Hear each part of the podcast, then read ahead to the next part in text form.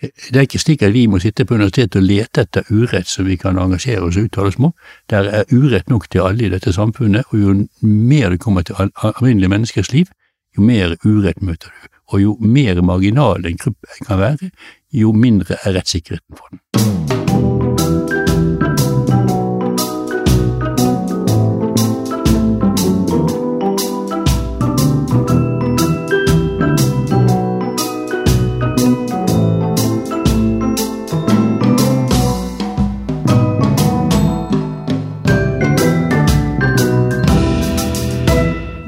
Er det tid for en ny episode av Rett og slett, en podkast om det som er rett og det som er slett i vår rettsstat. Denne podkasten er sponset av Karnov juridisk forlag, og mitt navn er Katrine Holter, og jeg er strafferettsforsker på Politihøgskolen. Dagens tema er rus og forvaltning. Ruspolitikk har vært et hett tema det siste året, og i sommer så ble dessverre, etter mitt syn, rusreformen nedstemt av Arbeiderpartiet, Senterpartiet og Fremskrittspartiet. Nå har ruspolitikk fått mer oppmerksomhet eh, i år enn det det har gjort eh, noen gang tidligere. Og eh, i dag så skal vi snakke om hvordan forvaltningen forholder seg til spørsmål om rus. Dette har vært et tema i en rekke oppslag, blant annet i VG i løpet av høsten, og en av de sakene som vi skal bruke litt tid på i dag, er tap av førerkort på grunn av cannabisbruk. Til å diskutere disse temaene så har jeg fått med meg to jusprofessorer fra Universitetet i Bergen. Først ut er jusprofessor Hans Fredrik Martinussen. Han er ekspert i panterett, men han er en jusformidler og en samfunnsdebattant på de fleste andre juridiske felt òg, og han har i en årrekke engasjert seg i ruspolitikk og lenge holdt politiet i Bergene i ørene i russpørsmål. Velkommen til Rett og slett. Takk, takk. Hvor glad ble du på en skala fra én til ti når jeg inviterte deg til Rett og slett for å snakke om rus? Jeg blir alltid glad når jeg kan snakke om rus. Det er det morsomste vi har, er det ikke? Ja, noen mener kanskje det. Um, hvordan oppfatter du din rolle i rusdebatten? Altså, du er jo professor i panterett. Ser du på deg sjøl som en aktivist eller en fagformidler, eller begge deler? Altså, det fine er at i i Bergen så er vi jo bare eh, ansatt som professor i rettsvitenskap. Vi er ikke engang sånn som i Oslo, professor i offentlig rett eller privatrett, og vi står egentlig fritt til å engasjere oss og forske på det vi ønsker. Og Alf Petter Høgberg for eksempel, har jo sin doktorgrad i kontraktsrett, gir fortsatt ut obligasjonsrettsbøker, men er en anerkjent strafferettsforsker. Eh, jeg har holdt på med ganske mye med straff, straffprosess, politirett knyttet til rusfeltet siden 2014. Jeg har publisert artikler, fagfellevurderte artikler i både strafferett og, og straffeprosesspolitirett. Så jeg vil si at uh, det er ikke så veldig mange andre som har noe større sånn, vitenskapelig grunnlag uh, enn meg innenfor narkotikafeltet. Altså, jeg, selvfølgelig en del av våre fremste strafferettsforskere som har, har, solid mye mer, men jeg vil si at jeg er uh, fullgod strafferetts, straffeprosessforsker når det kommer til selve rusfeltet. Mm. Men hva er det som gjør at du engasjerer deg i ruspolitikk og i fagformidling på dette feltet? Altså, jeg har jo den eh, enkle og naive oppfatningen om at hvis man som professor på et universitet, betalt av det offentlige, oppdager at det foregår grov urett, så har man en plikt til å si fra. Og det betyr jo at jeg anser meg ikke meg selv som aktivist, eh, for en del av de tingene Den første ruskronikken jeg skrev, var om eh, bruk av, av, cannabis og, og førerkort. Eh, spurte jeg en gang i, i Bergens Tidende i 2014 om jeg er en trafikkrisiko eh, med mitt alkoholforbruk, og sammenlignet da mitt alkoholforbruk med hva man mister førerkortet for hvis man røyker cannabis. Eh, og det endte jo da, som vi skal inn på, i Høyesterett med at uh, det, det, synet jeg fremmet helt tilbake i 2014, nå fikk gjennomslag i, i Høyesterett. Jeg har også engasjert meg i bruk av narkotikahund på skoler, blant annet, der politiet til slutt har måttet slutte med det, fordi det ikke er lovlig. Uh, og det fins På rusfeltet så jeg, har en sånn lang sånn 'hva var det jeg sa'-liste med ting som jeg har tatt opp, uh, og stort sett alltid endt opp med at jeg har fått rett. Jeg kan ikke egentlig huske noe felt hvor jeg liksom ordentlig har endte med å tape, da. Altså, sånn, så jeg omtaler meg selv som en, en bevisstgjører. Altså, vi må bli bevisst på hvor mye overgrep som har blitt foretatt i statens regi mot folk som ruser seg på ulovlige rusmidler. Ja, og den skal du ha. Du var jo eh, en av de eh, første, eller i hvert fall veldig tidlig ute med å kritisere dette med inndragning av førerkort, der eh, noen hadde røykt cannabis, eller innrømmet cannabisbruk et par ganger i måneden. Og der har jo Høyesterett gitt deg i anførselstegn rett, da. Ehm, dagens andre gjest i Rett og slett er professor emeritus Jan Fridtjof Bernt. Han er en, kanskje Norges fremste ekspert i eh, forvaltningsrett. Han er tidligere rektor for Universitetet i Bergen, og han har skrevet både kommuneloven og universitets- og høyskoleloven. Velkommen til Rett og slett. Takk for det. Jeg får først begynne å si at jeg har skrevet den forrige kommuneloven og forrige universitetsloven, men eh, jeg er glad for at det fortsatt er rester av det jeg tidligere har gjort i de nye arbeidene. Ja, det er det absolutt. Eh, når jeg spurte om eh, du vil være med for å snakke om rus og forvaltning, så svarte du at dette var et eh, velvalgt tema. Hvorfor er dette temaet viktig, syns du?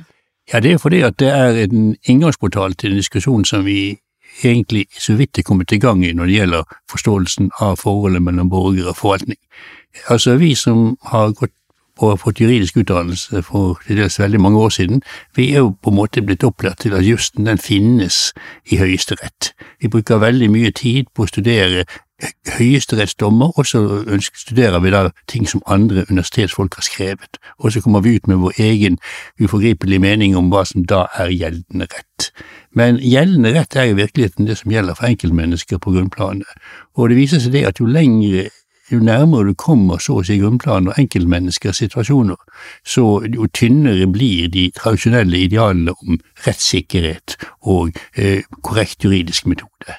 Og det vi opplever i dag på en rekke områder, det er at eh, vi ser flere og flere eksempler på at eh, forvaltningen utover i de som skal ha direkte kontakt med borgerne, som skal styre dem og instruere dem og hjelpe dem, de driver sin egen butikk etter helt andre spilleregler enn vi har prøvd å formidle gjennom vårt arbeid og vi har blitt lært på universitetet. Og eh, rusmiddelomsorgen er da et ganske graverende eksempel nettopp på det. Eh, for å si det på en annen måte, for å ta utgangspunkt i det som Hans Fredrik sa i sted, eh, det er ikke slik at vi må sitte på universitetet og lete etter urett som vi kan engasjere oss og uttale oss om. Der er urett nok til alle i dette samfunnet, og jo mer det kommer til alminnelige menneskers liv, jo mer urett møter du, og jo mer marginal en gruppe kan være, jo mindre er rettssikkerheten for den. Mm.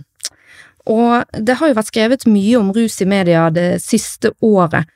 Hva er det som har vært eh, mest oppsiktsvekkende, synes du, av de sakene som har vært fremme? Ja, Det blir jo nesten vanskelig å rangere, men du kan si at vi har jo på den ene siden har vi jo da eh, masse eksempler på ting som gjøres uten at det finnes noen som helst form for rettslig hjemmel i strid med lover og regler, som blant annet Hans Fredrik har arrangert seg i med stort hell, både når det gjelder eh, inspeksjoner på skoler, og når det gjelder eh, samrøre mellom en interesseorganisasjon og, eh, og, politiet, på slik måte at borgerne ikke riktig vet hvem det er de har med å gjøre. Og nå er det norsk, altså denne interesseorganisasjonen det er Norsk Narkotikapolitiforening, ofte forkortet til NNPF du mener nå, ikke sant? Ja, ja. Så, så, det er det ene siden av saken. Det er, det, det er da for så vidt et, et, et, et, eksempel på veldig mange eh, situasjoner hvor det er slik at sterke organisasjoner, eller sterke interessegrupper, eller sterke Eh, skal vi si, verdimessig fellesskap får inntak i forvaltningen på en sånn måte at deres grunnsyn på hvordan verden er, får styre på bekostning av de prinsippene som vi har bygget vår rettsstat opp omkring. Ja, og Norsk Narkotikapolitiforening er altså ikke en del av eh, politiet, for de som ikke har hørt om denne foreningen før, selv om eh, politi er en del av navnet, og dette er jo et tema som du har vært opptatt av, Hans Fredrik, og som du har frontet tidligere, og nå er jo det som man omtaler som samrøre mellom politiet og Norsk Narkotikapolitiforening under granskning. Um, hva, hva, tenker du om dette, Hans Fredrik? Nei, jeg vil igjen til hva var det jeg sa-sak. Jeg skrev en sak i Minerva tilbake i 2016 som jeg kalte Uniformerte eh, synspunkter, og vi kritiserte, eller jeg tok opp um, blant annet en politikvinne som møtte på NRK Debatten for å diskutere dette, i full uniform, og som da hadde et eh, NNPF-engasjement i tillegg. Og, og, Bård Standal skrev den gang en ganske lang redegjørelse i Dagbladet, og det var ikke så mange som plukket det opp. Vi begynte liksom å, å pirke dette i 2016, og så har det vokst etter hvert. da, For dette er jo en organisasjon som har lange tentakler inn i alle deler av politiet. Og man kan jo få inntrykk av at eh, det, det har nærmest vært en forutsetning for å gjøre karriere i politiet, at man engasjerte seg i, i Norsk Narkotikapolitiforbund, og da blander man da sammen det offentlige maktmonopolet til staten med private eh, synspunkter, eh, politiske standpunkter, man utøver press. Altså, eh, det går så langt at da mindretallet i, i rusreformutvalget, medlemmet Svan, da har lett lekket konklusjoner fra eh, NOU-en til politidirektøren, sånn at hun noen dager før rusreformen ble lagt frem, kunne gå ut og kritisere det hun visste var resultatene i media, og legge trykk på det i forkant. Og Det viser hvor langt ut på galeien som politiet har kommet. Eh, politiet har helt mistet gangsynet i, i russpørsmål, og jeg tror at NNPF, denne organisasjonen som er så sentral, har en eh, stor del av ansvaret for det. Og det er jo et håp nå da, om at den eh, makten de har utøvd eh, for, gjennom å bli satt søkelys på, etter hvert forsvinner, sånn at vi kan få en ryddig og skikkelig rusdebatt, der ikke politiet fremmer alle mulige slags eh, uholdbare og, og, og, og, spesielle påstander som folk naturligvis uh, blir påvirket av, fordi folk flest i Norge har stor tillit til politiet. Eh, og her er det viktig å understreke at dette her er emner som er dekket av annet NRK og VG eh, og den slags. Eh, Jan Fridtjof Bernt, hva er egentlig forvaltningen? Altså nå, nå er jo temaangivelsen for denne episoden er rus og forvaltning, men hva, hvordan skal vi definere forvaltning? Hva er det for noe? Ja, Forvaltningen er jo egentlig definert i Grunnloven som den såkalte utøvende makt. Og eh, spør spørsmål hvilken makt har denne, eh, dette apparatet her. Og eh, der er det viktig å understreke at vi lever jo nettopp i en rettsstat. Og det, det, det betyr ikke bare det at vi har domstoler som prøver å undersøke saker, men det betyr også det at all maktutøvelse i samfunnet må på en eller annen måte ha en rettslig forankring. Og forvaltningsapparatet det er da et apparat som er satt til å gjøre oppgaver som til dels er direkte fastsatt i Grunnloven, men de aller fleste av dem er fastsatt enten ved at man har fått penger til rådighet over statsbudsjettet for å gjøre en oppgave, eller når de henvender seg til borgerne, så skal dette da ha en forankring i et lovverk. Og det gjelder spesielt da hvor det som skjer har karakter av å inngrep overfor borgerne, hva er det? Altså, ja. når er noe et inngrep? Ja, Det er jo litt sånn, man kan diskutere litt frem og tilbake hvordan dette juridisk skal kategoriseres, men det viktigste er jo det at når noen kommer fra et offentlig kontor og sier at jeg har bestemt sånn og sånn, du skal gjøre sånn og sånn, og du får ikke lov til å gjøre sånn og sånn, eller du får en straff sånn og sånn, eller bot eller inndragning av bevilgning, så handler de på vegne av eh, eh, folket, som da er i en Stortinget som gir forvaltningen myndighet. Og eh, slike handlinger skal da hele tiden være forankret i at man har fått en fullmakt. Man har fått, Noen har sagt at du kan gjøre dette. Det at jeg er ansatt i politiet gir meg ikke fullmakt til å gå omkring og drive min egen sagt, narkotikapolitikk. Jeg skal handle innenfor de rammer og på den måten som lovverket har fastsatt. Ja, og eh, et sted der forvaltningen har gjort inngrep i enkeltborgeres eh, rettigheter, er jo nettopp ved tap av førerkort, der en borger har innrømmet å røyke cannabis. Um, hvordan, hvordan, fungerer dette her med, med tap av førerkort? Altså, dette her er jo ikke en straffesanksjon. Nei, altså det, det, kan også være det. Eh, man kan, Hvis man får dom for visse typer trafikkforseelser, så kan man bli fradømt retten til å ha eh, førerkort, enten for en viss periode eller for fast vanlig. Men det vi først og fremst snakker om, er jo disse inndragningene av førerkort som besluttes av politimyndighetene og hvor eh, grunnlaget da er en bestemmelse i straffeloven som sier det at hvis en person da eh, har et ja, enkelt et forbruk av rusmidler som gjør at man eh, føler at dette betyr at vedkommende er en fare i trafikken, så skal man inndra førerkortet. Nettopp.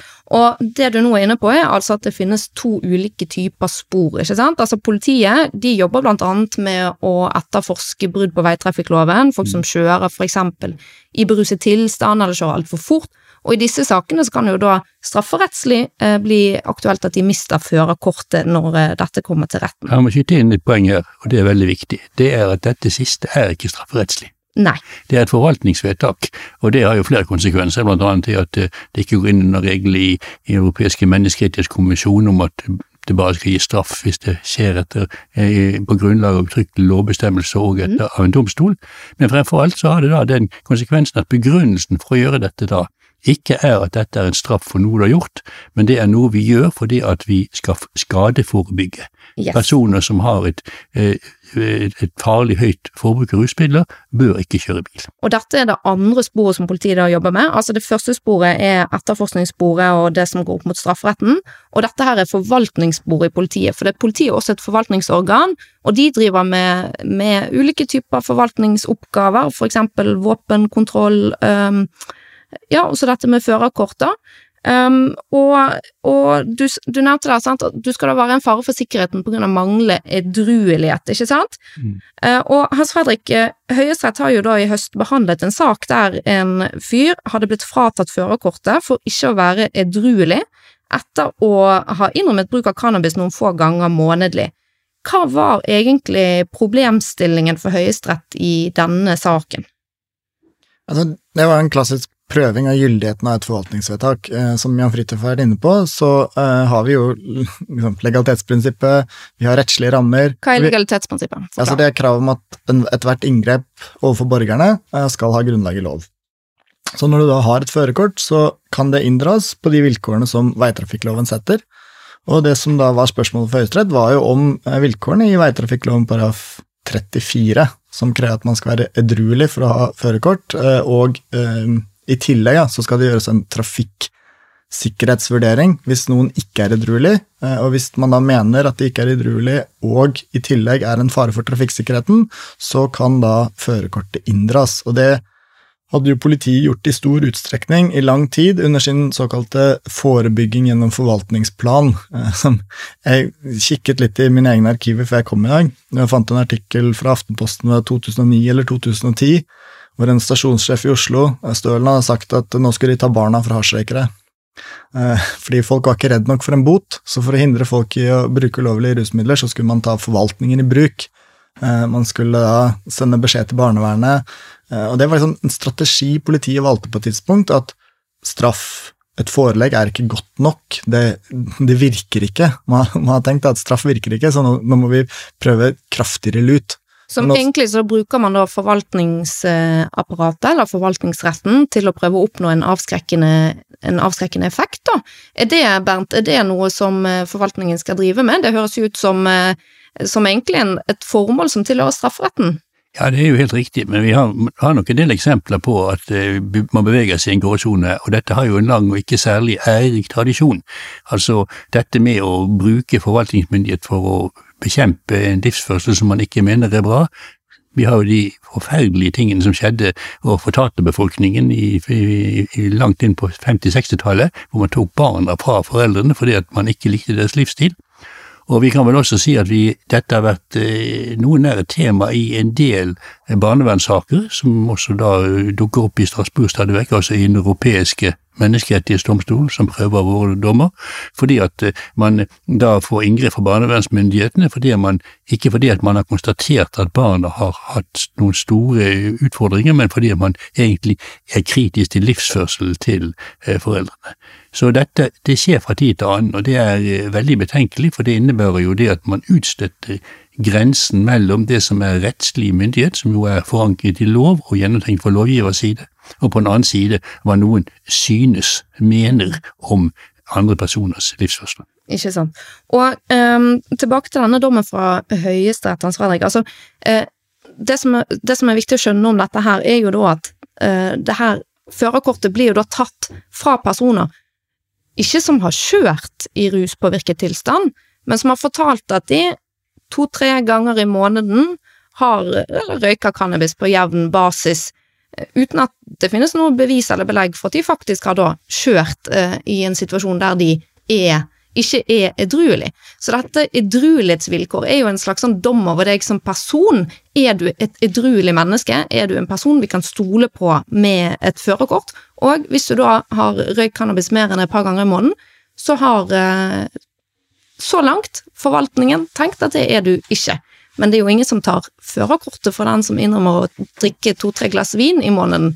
Så um, Høyesterett, hva er det egentlig de eh, kommer frem til uh, i denne avgjørelsen? For det første så forkaster de noe som politiet har påstått veldig lenge, og det er at ulovlige rusmidler er grenseoverskridende i seg selv. Da. Og at hvis du f.eks. er tilbøyelig til å, å røyke hasj, så er du mer tilbøyelig til å kjøre bil i hasjrus enn du er hvis du drikker alkohol. Altså, det er sånn sagt at vi har vært omtrent nede i noen sammenheng på at all bruk er misbruk når det gjelder ulovlige rusmidler. Sånn at du kan, du kan ha et ganske høyt forbruk av alkohol. La oss si at du er, er i et sånn studentfase, har førerkort, eh, men kanskje drikker eh, torsdag, fredag, lørdag, uten at du egentlig har grunn til å frykte at førerkortet ditt blir inndratt. Mens hvis du da istedenfor røyker hasj annenhver helg, eh, så har politiet tatt førerkortet ditt. Og for det første sier Høyesterett at det er um, ingen holdepunkter i loven for at lovligheten av rusmidler i seg selv har noen betydning. Så Høyesterett liksom setter en sluttstrek for det standpunktet.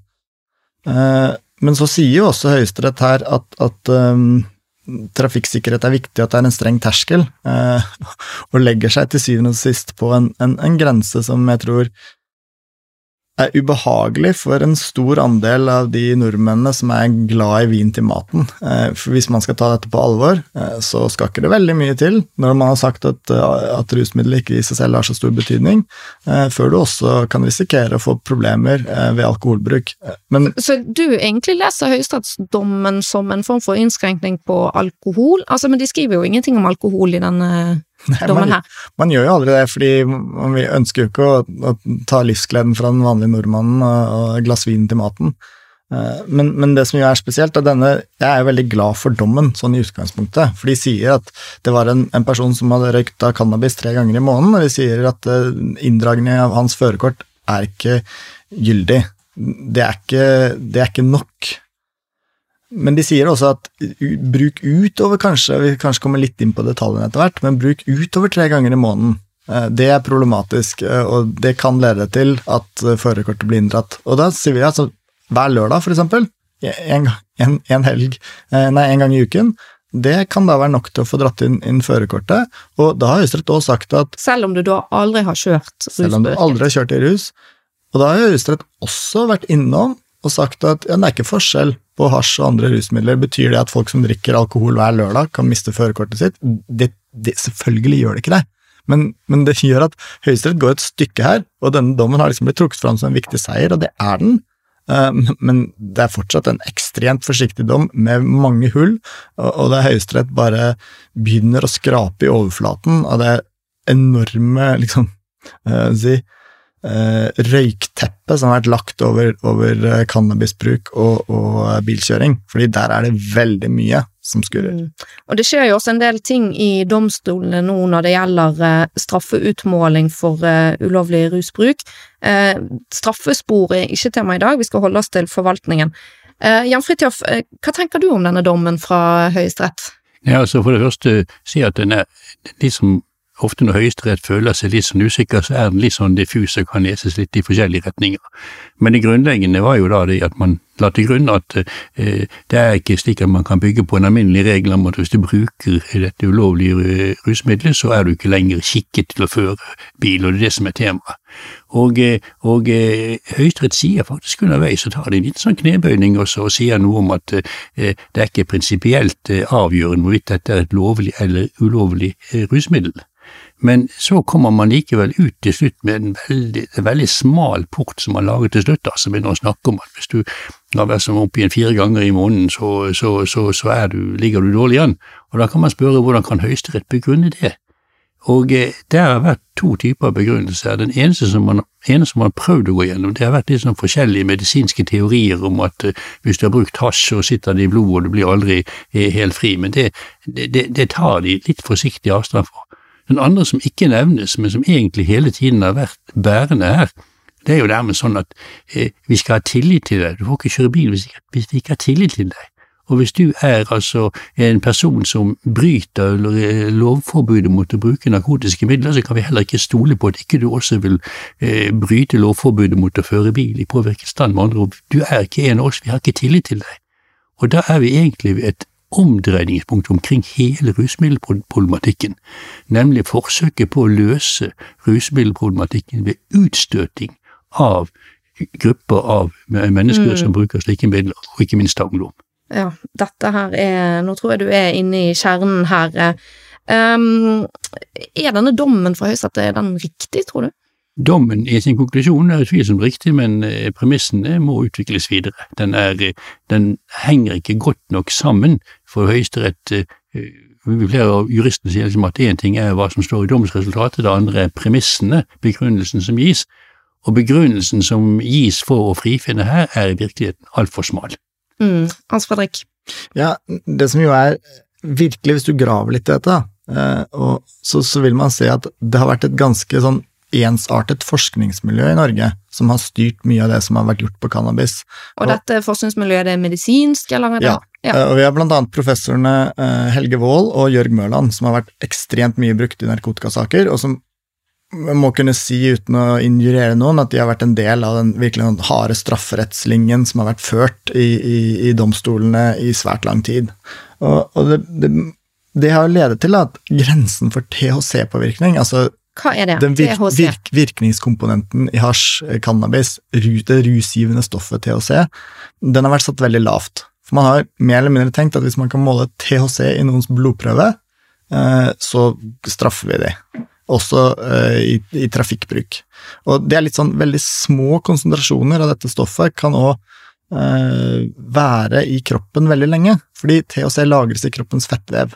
Så man har satt en veldig lav straffbarhetsgrense, og så, og så har man da etter hvert kunnet påvise at hvis du røyker hasj, eller altså cannabis jevnlig, så vil små deler sive ut i blodet ditt over lang tid. Så du vil veldig ofte kunne finne rester av THC i blodet lenge, lenge etter at rusen er avslutta. Men hva mener du med strafferettsgrense nå? Er du nå inne i, i ruspåvirket kjøring? Ja. Sånn at det kommer til er at straffbarhetsgrensen for uh, det man kaller ruspåvirket kjøring, ligger sannsynligvis godt under det som er reell ruspåvirket kjøring. Altså, man blir dømt for ruspåvirket kjøring selv om man ikke er ruspåvirket. Det, det, er et godt paradoks. Og det skjer fordi at man setter en sånn standard, en slags uh, Ja. ja, ja. du, ja nei, jeg tror uh, nå, nå, er vi jo inne i jussen, men vi må inn i jussen fordi vi har å gjøre med en rettsstat. Og det er jussen som bestemmer hva politiet har lov til å gjøre. Og jeg vil minne om at vurderingstemaet her er jo om vedkommende ikke er skikket til å kjøre. Og da er det ikke nok at du har den ene eller andre substansen i blodet, det må også dokumenteres at den konsentrasjonen eh, er, har en slik karakter at den kan påvirke din evne til å kjøre. Og her har vi antagelig igjen nok et eksempel på at domstolene noen ganger legger seg veldig flatt for hva påtalemyndigheter eller forvaltningsapparat sier at sånn er det. Når de sier at dette er farlig, så vil jo naturlig hvilken som helst rettssak ja, kan det være snill å legge frem vitenskapelig dokumentasjon som viser at vi har disse effektene. Men det, det bryr man seg ikke med å gjøre. Det, dette møter vi på mange områder. Vi møter det i psykiatrien ved tvangsinnleggelser. Vi møter det i, i, i, spørsmålet om utlendingspolitikken. Er, er, er, eh, hvis ikke vi tolker bestemmelsene slik og slik, så er det en stor fare for at vi blir oversvømmet av innvandrere. Det er bare påstander som legges frem som en begrunnelse for å tolke loven på en bestemt måte, men domstolen har rett og slett ikke oppfylt sin oppgave til med å stille kritiske spørsmål og si at sier du dette, så må du også kunne forklare og begrunne det på en sånn måte at vi kan etterprøve det. Mm. Og eh, på Twitter, som eh, er jo et sted mange jurister eh, oppholder seg, blant annet, så har det oppstått en eh, slags eh, hva skal vi si, en ruspolitisk bevegelse som grunner hashtaggen narkotwitter. Og narkotwitter har vært eh, mye opptatt av, av det som kalles akkumulering av THC. THC er altså dette virkestoffet, og det kan altså da sitte igjen i blodet ganske lenge etter at man har røykt. Men hva betyr dette med akkumulering? For mitt inntrykk er at dette ordet her, det har liksom blitt helt sånn sentralt i å forklare hvorfor man ikke er edruelig hvis man røyker cannabis. Hva, hva er det for noe, Hans Fredrik? Forklar. Det er dette at, at THC-en setter seg i fettvev i kroppen, eh, og at eh, kroppen så skiller ut over tid litt grann THC. Og, og det jeg tror du skal være ganske spesielt anlagt hvis du virkelig tror at folk opptil to uker etter at de har røykt cannabis, eh, er rusa. Det, det ville vært et helt fantastisk rusmiddel. Nå er jo det cannabis uten tvil det mest brukte rusmiddelet, men, men eh, hvis man skulle tenke sånn potensialet eh, for markedsføring, så kunne du sagt noe rusa i to uker med et par trekk, hvis du gjør det jevnlig. Eh, det er det ingen som tror på. Og det er jo det er litt sånn jeg sier, folk snakker veldig ofte, og Høyesterett sier her om at ja, rusmiddelet i seg selv kan ha betydning for, for denne trafikkvurderingen, altså hvilke egenskaper rusmiddelet har. Og da må vi jo huske at alkohol er mye, mye, mye verre eh, enn de fleste andre rusmidlene på veldig mange felt, inkludert bilkjøring. Sånn at det er ingen tvil om at det å, å være rusa på cannabis gjør deg til en dårligere sjåfør, men du blir en mye dårligere sjåfør hvis du drikker enn hvis du røyker hasj, ifølge den forskningen vi har. Og det hadde vi jo en stor debatt om tilbake Vi hadde den eh, folkeopplysningsepisoden om, om, cannabis, som jo virkelig liksom fikk opp øynene hos en del mennesker. Ja, den på NRK, sant? Ja. Folkeopplysningen. Der eh, hadde de en episode om cannabis og kjøring, var det det? Egentlig det var om cannabis i, i, i det store og det hele. Og et av, en, en, av tingene som ble omtalt, da var eh, en forsker som heter Ole Røgeberg, som hadde gjort studier på folks evne til å, å kjøre bil. Medisiner, eller? Uh, ja, Det er jeg faktisk ikke helt sikker på, men han har gjort studier på, på um, Han er rusforsker, uh, og, og gjort studier på hvor svekket folk blir når de røyker hasj, og det vi er i hvert fall helt sikre på, det har vært en diskusjon mellom han og disse uh, den mer klassiske rusgruppen, den, den straffe... Uh, linje uh, gjengen, som vi kan kalle det litt forsiktig. Eh, jeg skal prøve å, å, å ikke omtale det i altfor nedsettende former. Uh, for ja, Og de er ikke her til å forsvare seg heller. Nei, men, men, men der var det òg en diskusjon om hvor mye og hvor ille. Det, det gikk fra liksom 20-30-40 nedsatt, nei, økt risiko for ulykke til 200% mens på alkohol så snakker vi om sånn 700 Sånn at det er i utgangspunktet et rusmiddel som utgjør en mindre risiko i bilkjøring enn alkohol, men det behandles mye strengere pga. denne her tanken om at ja, THC syver ut i blodet, så man skal liksom være rusa mange dager etter at man har slutta å røyke. Det er et helt absurd standpunkt. Hvis man går inn og ser på forskningsartiklene, så ser man jo at de har nivåer i blodet som ligger langt under det forskningen sier er eh, trafikkfarlig. Men fordi straffbarhetsgrensene i Norge er satt så ekstremt lavt, så sier de at ja, du kan risikere å være over minste grense for straffbar påvirkning når du sitter i bilen, eh, selv om det er lenge siden du har røykt, og derfor er du en trafikkfare, og derfor må vi ta førerkortet. Altså, det, er nesten en absurd argumentasjonsrekke, altså. Ja, og de har jo virkelig forenklet, eh, forenklet det her litt, da, tenker jeg, fordi sånn som jeg tror forvaltningen har tenkt, så er det sånn, ja, du kan, du kan måle THC i blodet i to uker, ikke sant? Og derfor så gir det jo mening at oi, hvis du røyker to ganger i uken, en gang annenhver uke cirka, så, så er jo det da påviselig rus Du har jo påviselig rus i blodet ditt hele tiden, og derfor så blir du ikke edru, sett på som edruelig. Men så er det jo dette her utrolig viktige spørsmålet om ok, det at du kan måle noe i blodet, er det det samme som å være ruspåvirket? Eh, så, så, det er all grunn til å lure på om ikke eh, en slags sånn moralsk tanke eller en ja, en, form for moralisme har kommet inn og påvirket uh, jussen her. Um, Jan Fridtjof, du har jo sagt til VG at det fremstår som uh, nokså åpenbart at det har vært en praksis her, uh, som i politiet som forvaltningsorganer, uh, som ligger utenfor rammen for det loven tillater. Vil du utdype det? Ja, det er jo godt gjort det at når loven stiller som et krav at man skal kunne påvise at dette har gjort vedkommende uegnet til å kjøre bil, eh, ja, så kan man ikke da begynne å erstatte det vurderingstemaet med noe helt annet som sier at det, det, det er best at vi holder disse folkene ut av, ut av trafikken rent generelt.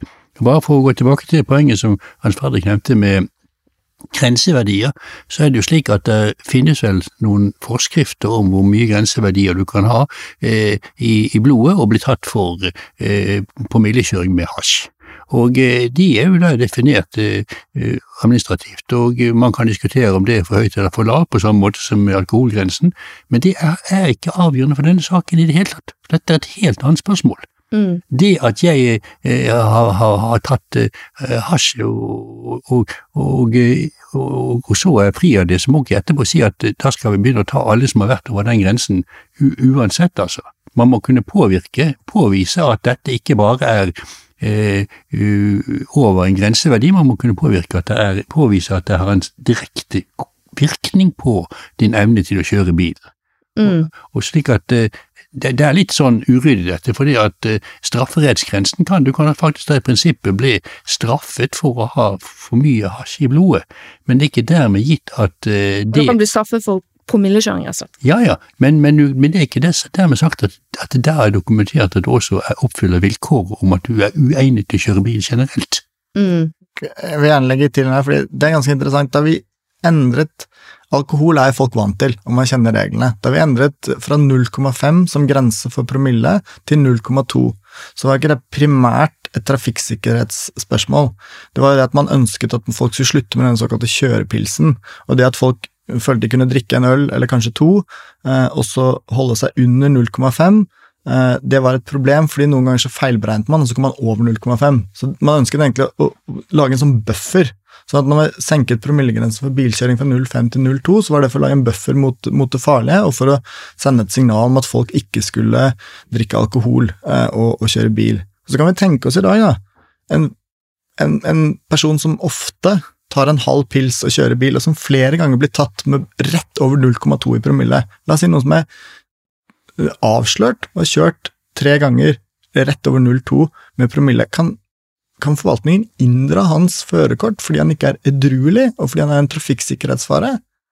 Altså, Én ting er å gjøre det strafferettslig og si at her er det strafferettslige regimet, sånn at vi drar inn førerkortet som en straff for at du kjører over 0,2, men kan man si at vedkommende er en trafikkfare? Når du ligger rett over 0,2 ved flere anledninger og sier at ja, det er min, min vane, eller må du faktisk kreve at vi er nærmere trafikkfarlige nivåer av alkohol? Det er litt den problemstillingen vi har Eh, på cannabis, bare at vi har heller ikke da, eh, i disse tilfellene, påvist at noen rent faktisk har kjørt i hasjrus. Mm. Vi, vi, bare sier at det kan komme til å forekomme at du har over straffbart innhold i blodet, selv om det ikke er en trafikkfare, lenge etter at du har røykt. Og fordi du kan komme til å komme over den grensen, ja, så vil vi ta førerkortet ditt. Og det er det faktisk fortsatt spor av det standpunktet i Høyesteretts avgjørelse, og, og, det er uh, noe av det vi etter hvert må jobbe mer med. For, for det mener jeg òg er uh, en utrolig dårlig begrunnet eh, forskjellsbehandling mellom brukere av alkohol og cannabis. Ja, det var på å runde, altså bare så ikke vi skal, skal påvirke, det er jo to ulike problemstillinger. ikke sant? Og eh, Det som vi har hatt nå, det er jo da ganske enkelt spørsmål om det at du har tatt hasj hjemme og ikke kjørt bil, eh, i seg selv skal kunne medføre at du kan miste førerkortet.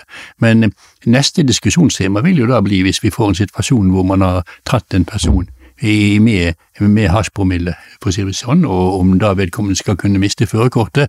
Eh, men da får man jo også si at eh, det, det, det kan bli en problematisk diskusjon, for da har du notorisk gjort noe som satte direkte utover sikkerhetsregler i, i trafikken. Men tilbake... Ja, og det samme med alkohol, ikke sant. Ja, altså, ja, ja. Hvis noen kjører stadig vekk med mer enn altså 0,25 eller hva det blir. Men det er en ny diskusjon, så den får vi ta. Den er vanskeligere. Men, men det syns jeg er vanskelig. Men parallell, hvis jeg bare får parallell til dette her, vil jo bare være at hvis vi har konstatert at en person i løpet av eh, en måned fire ganger har drukket så mye alkohol at vedkommende har mer enn 0,2 promille, så er han uegnet til å kjøre bil. Mm. ja, det er, det er ganske absurd. Ja, absolutt. Ok, disse som har mistet uh, førerkortet, Jan Fridtjof, hva skal de uh, gjøre nå? Vi får ta en ting om gangen, og forholde oss til akkurat dette med disse inndragningssituasjonene som vi nå har hatt, ja. så eh, sier til og med altså et gammelt rundskriv fra 2000, så sier man jo så veldig klart at når man inndrar et førerkort av manglende edruelighet, må det vurderes om dette forhold har betydning for vedkommendes skikkethet som fører motorvogn, står det etter rundskrivet, av og så kommer viktig, av inndragningsvedtaket må det fremgå at forholdet er vurdert. Og det betyr ganske enkelt at hvis ikke man altså man har en begrunnelsesplikt, ja. følger forvaltningsloven og alminnelig nesten skikkelig forvaltningspraksis, at du må jo begrunne vedtaket. Og hvis du ikke, hvis ikke fremgår av vedtaket at du har en begrunnet og forståelig eh, eh, forklaring på hvorfor dette skulle ha betydning for vedkommendes evne til å kjøre bil, Mm. Hvis, dette, hvis, denne siden av saken ikke er vurdert, hvis han nøyer seg med å bare la øksen falle med en gang man konstaterer at vedkommende har brukt eh, rusmidler noen ganger, Da har man ikke oppfylt lovens vilkår for å treffe sånt vedtak. Mm. Dette er vedtak som er ulovlig, for de har ikke hjemmel i lov. Ja, eh, jeg har vært eh, litt borti noen sånne saker som eh, når jeg jobber som advokat, eh, og mitt inntrykk er jo at disse begrunnelsene som gis virker veldig standardisert, og det er lite, lite grad av individuelle vurderinger opp mot den konkrete personen og deres situasjon.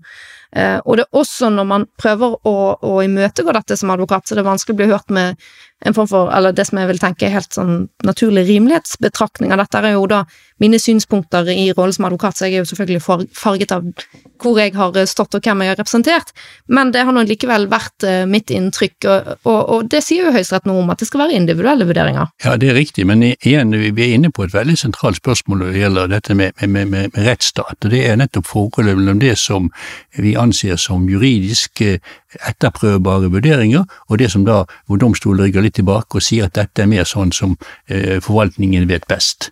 Og det har vi jo på en del saksområder, hvor altså um, domstolene kan ikke prøve alle sider av, av alle saker. Men i dette tilfellet her så er det klart at det er loven som styrer det hele, og derfor er det jo ganske oppsiktsvekkende at i denne saken fra for Høyesterett om, om, om inndragning av førerkort, så presterer altså eh, talsmannen fra regjeringsadvokaten og sier at ja, riktignok er vedtaket lovbundet, men når det gjelder dette med eh, om dette gjør vedkommende uskikket, så er det noe som politiet er best skikket til å vurdere. Det er deres skjønn, så det skal domstolene være tilbakeholdne med å overprøve. Domstolene skal altså være, ifølge regjeringsadvokaten, være tilbakeholdne med å prøve, etterprøve det grunnleggende vilkåret for å kunne inndra førerkortet. Ja, det blir eh, ikke regjeringsadvokaten hørt med. Hans Fredrik, Ja, jeg har også lyst til å si at det, dette ene vedtaket som kom til Høyesterett, er jo et av tallrike vedtak. Dette, disse vedtakene har blitt truffet over en bred eh, eh, over en lav sko. over en lav sko, bred fjøl, et eller annet. Jeg mista høy i hatten-varianten.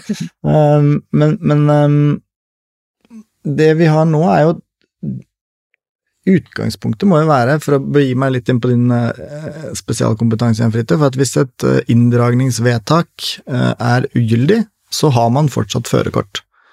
Og jeg vil ikke bare så understreke, vil, det, er ikke en oppfordring til folk som har fått inndratt i sakene, bare å gå ut og sette seg i bilen, selv om jeg i utgangspunktet tenker at eh, det har man lov til. Eh, men jeg har fått mange henvendelser etter denne saken, eh, og sagt til folk at ja, men jeg syns du skal sende en, eh, en, en begjæring om omgjøring til politiet, og si at eh, her har det kommet ny rettspraksis, det viser seg at det vedtaket dere har truffet, eh, ikke er gyldig, fordi eh, jeg har ikke røyket mer enn tre ganger i måneden. Mm. Eh, Og jeg mener at da har politiet en plikt til å omgjøre. Men jeg har jo fått tilbakemeldinger på Bare forklare det, da. Omgjøring. Altså, det er jo at du Politiet har fattet et vedtak, og så kan du begjære at de, at de gjør et nytt vedtak i den retningen som du ønsker, da. Det er en omgjøring. Så Omgjøringsbegjæring. alle som har fått inndratt sine førerkort med samme type, altså inntil tre ganger i måneden, eh, bør ta kontakt med politiet og si at dere har gjort en feil.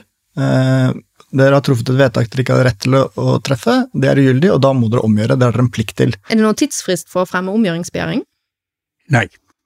Nei, og, og jeg vil også si at, Men jeg har allerede opplevd at politiet oppfatter det som en søknad om å få førerkortet tilbake, krever urinprøver, sier ja, men du må sånn sånn, og slik og slik, eh, og det er egentlig ganske sjokkerende. Politiet greier ikke å håndtere enkle omgjøringsbegjæringer basert på den høyesterettsdommen, eh, og da er man jo i den situasjonen at man nesten bare må sette seg i bilen, ringe til politistasjonen og si at altså, nå kjører jeg, dere får komme og ta meg, da. men hva betyr det? Altså, de, de ser på det som en søknad om å få et nytt førerkort, istedenfor å tenke på det som en omgjøring av det å bli fratatt førerkortet. Og konsekvensen av det, det er jo da at politiet tenker at da er det en høyere terskel.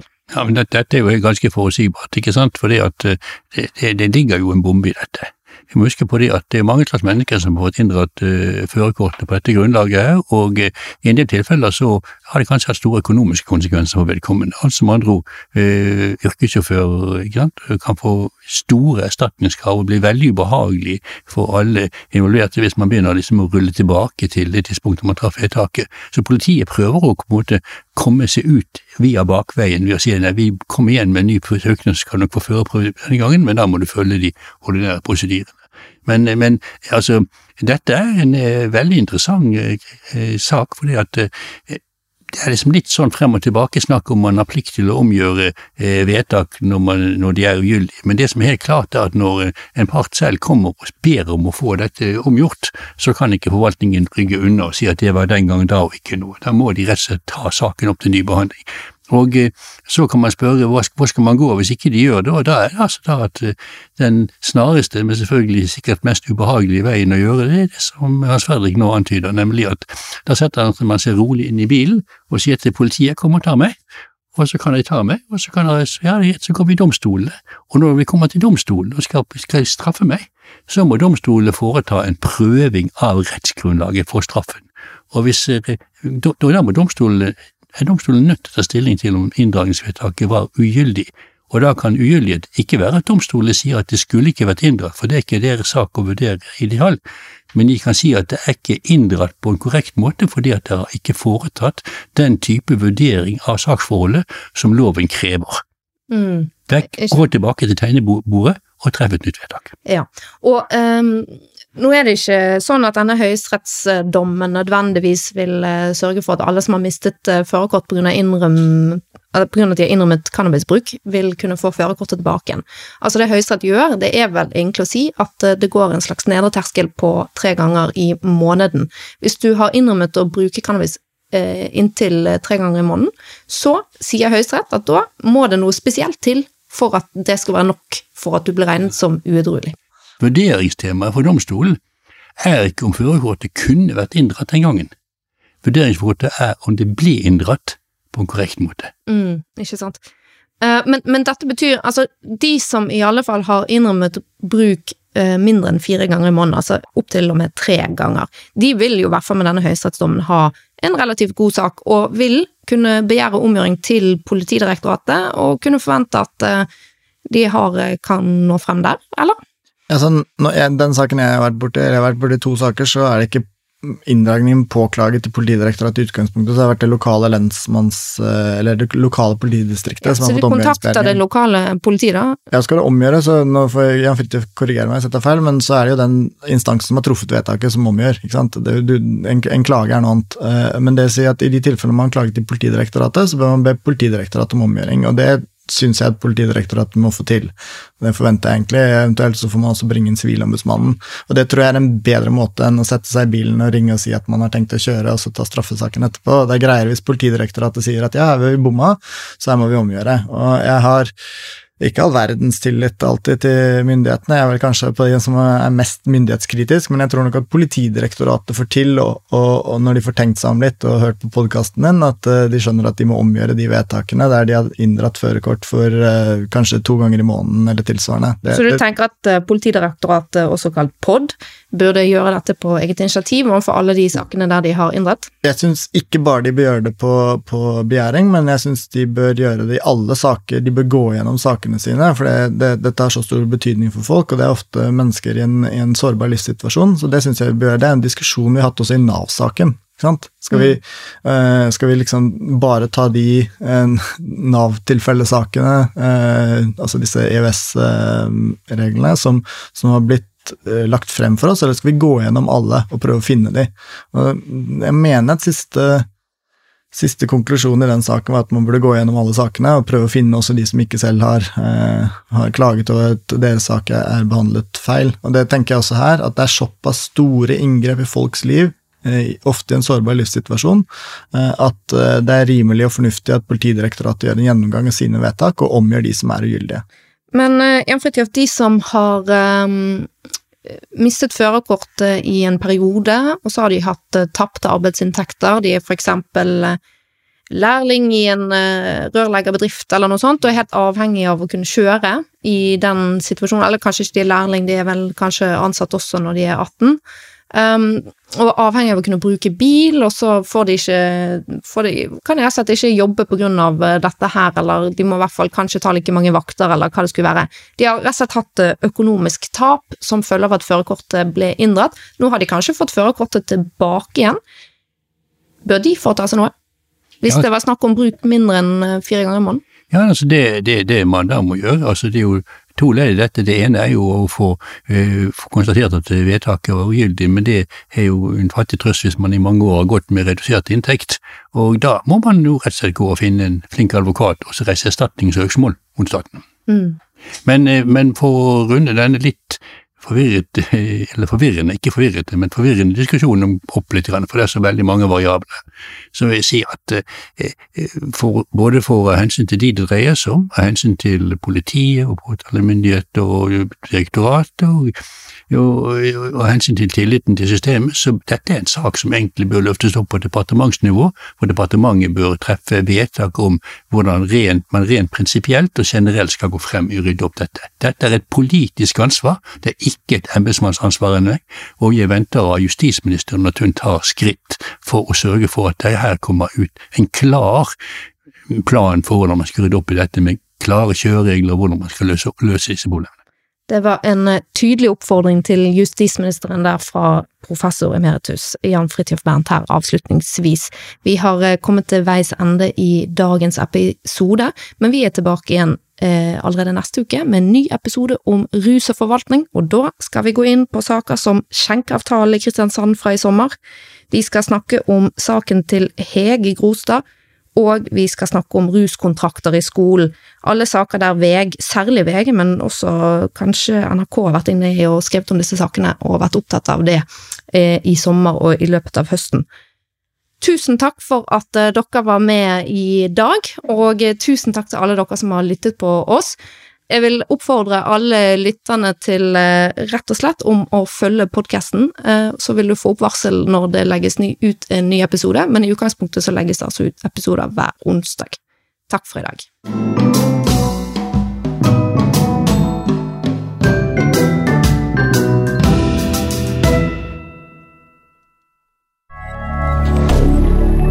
media.